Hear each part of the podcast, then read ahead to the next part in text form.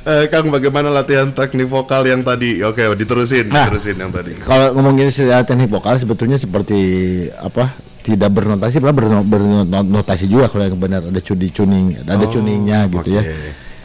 Kalau saya kebetulan awal-awal eh, jadi jadi vokalis metal benar ke penyanyi apa ke band-band luar. Mhm. Tapi ke sininya malu sendiri. Teknik vokal itu ternyata lebih komplit di kita. Oh, oke. Saya sempat eh, bertanya lah berguru gitu pada dua orang sepuh, dua orang yang saya kagumi dan hormati. Satu almarhum eh, eh, Pak Asep Sunar Sunaria, satu lagi almarhum Pak Dede Amung. Dari teknik de- pedalangan teh komplit vokal ternyata. Coba apa yang mereka sampaikan ke Kang? Iya teknik vokal itu komplit kalau di wayang itu biasanya di- dipakai suara buta misalnya yang Hmm. vokal gro growol atau yang gutural. Kalau growol mah kayak ter- teriak tentara lagi upacara. Gimana gitu gimana? Gogorowok gitu. Hormat, saudara, takkan eta Oh, oh, iya. gitu. Ah. Kalau yang guturan gini, atau gutural, kalau yang scream yang kayak ucing gitu. Oh, gitu. Screamnya. Itu kan di, di wayang itu kan kayak suara-suara buta teh. Aha. So, pakainya suara gut, gutural kalau bahasa bule nama. Mhm. Terus ada juga apa eh, teknik-teknik yang rendah itu dipakai eh, sama tokoh-tokoh yang karismatis. Kalau di pewayangan kayak Gatot Kaca misalnya Mhm. yang low vokal itu.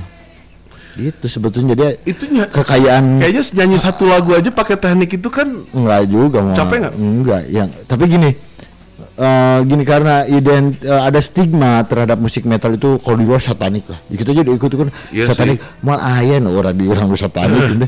Gini anak-anak serem-seremnya gitu Hmm. anak-anaknya seserem anak-anak lihat jumatannya mereka baju metal ya jumatan. Lagi juga di orang lah di kuyu semetal serockstar rockstarnya di Bandung Iya, iya, iya. semetal metalnya di Jumatan. Bandung disuruh sama ibunya beli galon. Mah anger aja beli gas mah daya kenurut gitu kan Iya, Iya, itu kultur kita gitu. Jadi nah mau ain satanik yang jelas di kita mah mungkin yang eh, bagi saya itu musik death metal itu adalah extreme sport olahraga. Yang main panggung yang di panggung berkeringat yang nonton juga keringetan. Da- dan alhamdulillah nggak pernah nggak ada yang berantem berantem. Sebetulnya kalau yang benar-benar suka musik metal mau pogo go- apa joget gimana ini juga nggak ada yang berantem. Nggak ada yang gelut, Ya, kalau yang berantem berantem itu biasanya penyusup. Hmm. orang yang warlock lah warga lokal yang menyusup. Ya calon musik naon Iya gitu iya kan. iya iya iya. Tapi ini nyambung pertanyaan tadi eh, Kang Asep, Kang ya karena mungkin nyanyinya dengan eh, teknik tadi begitu ya. Jadi kadang lagu metal itu nggak terdengar jelas eh, liriknya. makanya beli CD-nya Oh. ada di CD liriknya itu Oh iya iya iya iya iya. Eh, jadi kan apa ya di dalam ketidakjelasan ada kejelasan Ada ya. daripada di dalam kejelasan banyak ketidakjelasan maaf ini mah maaf pisan fakta ya banyak band pop rock lah musik pop di kita yang ngomongin cinta-cintaan di atas panggung penyanyi tapi penontonnya baru bek gelut Ah. sampai Karena bacok-bacokan cinta, itu kan gitu. berarti ada rasa yang tidak sa- eh, nyam- eh, sampai terhadap audiensnya Mhm, mhm. yang terpenting kan eh, rasa yang sampai Ya, ya jangan rasa Oh, yang didiamkan begitu. kayak saja. konser biar saya sebut bandnya ungu ungu kan ada yang meninggal eta nugar lut pan cek saya ongko yang penyanyinya ngomongin cinta-cintaan tapi nah bisa baru bak gitu kan Tapi baru udah we, gitu. Jadi iya, iya. hanya tampilan fisiknya saja mungkin yang terkesan serem dan yang serem juga sih Oke. sebetulnya Kang Randy di Setiabudi, kalau nulis lagu metal inspirasinya dari mana, Kang?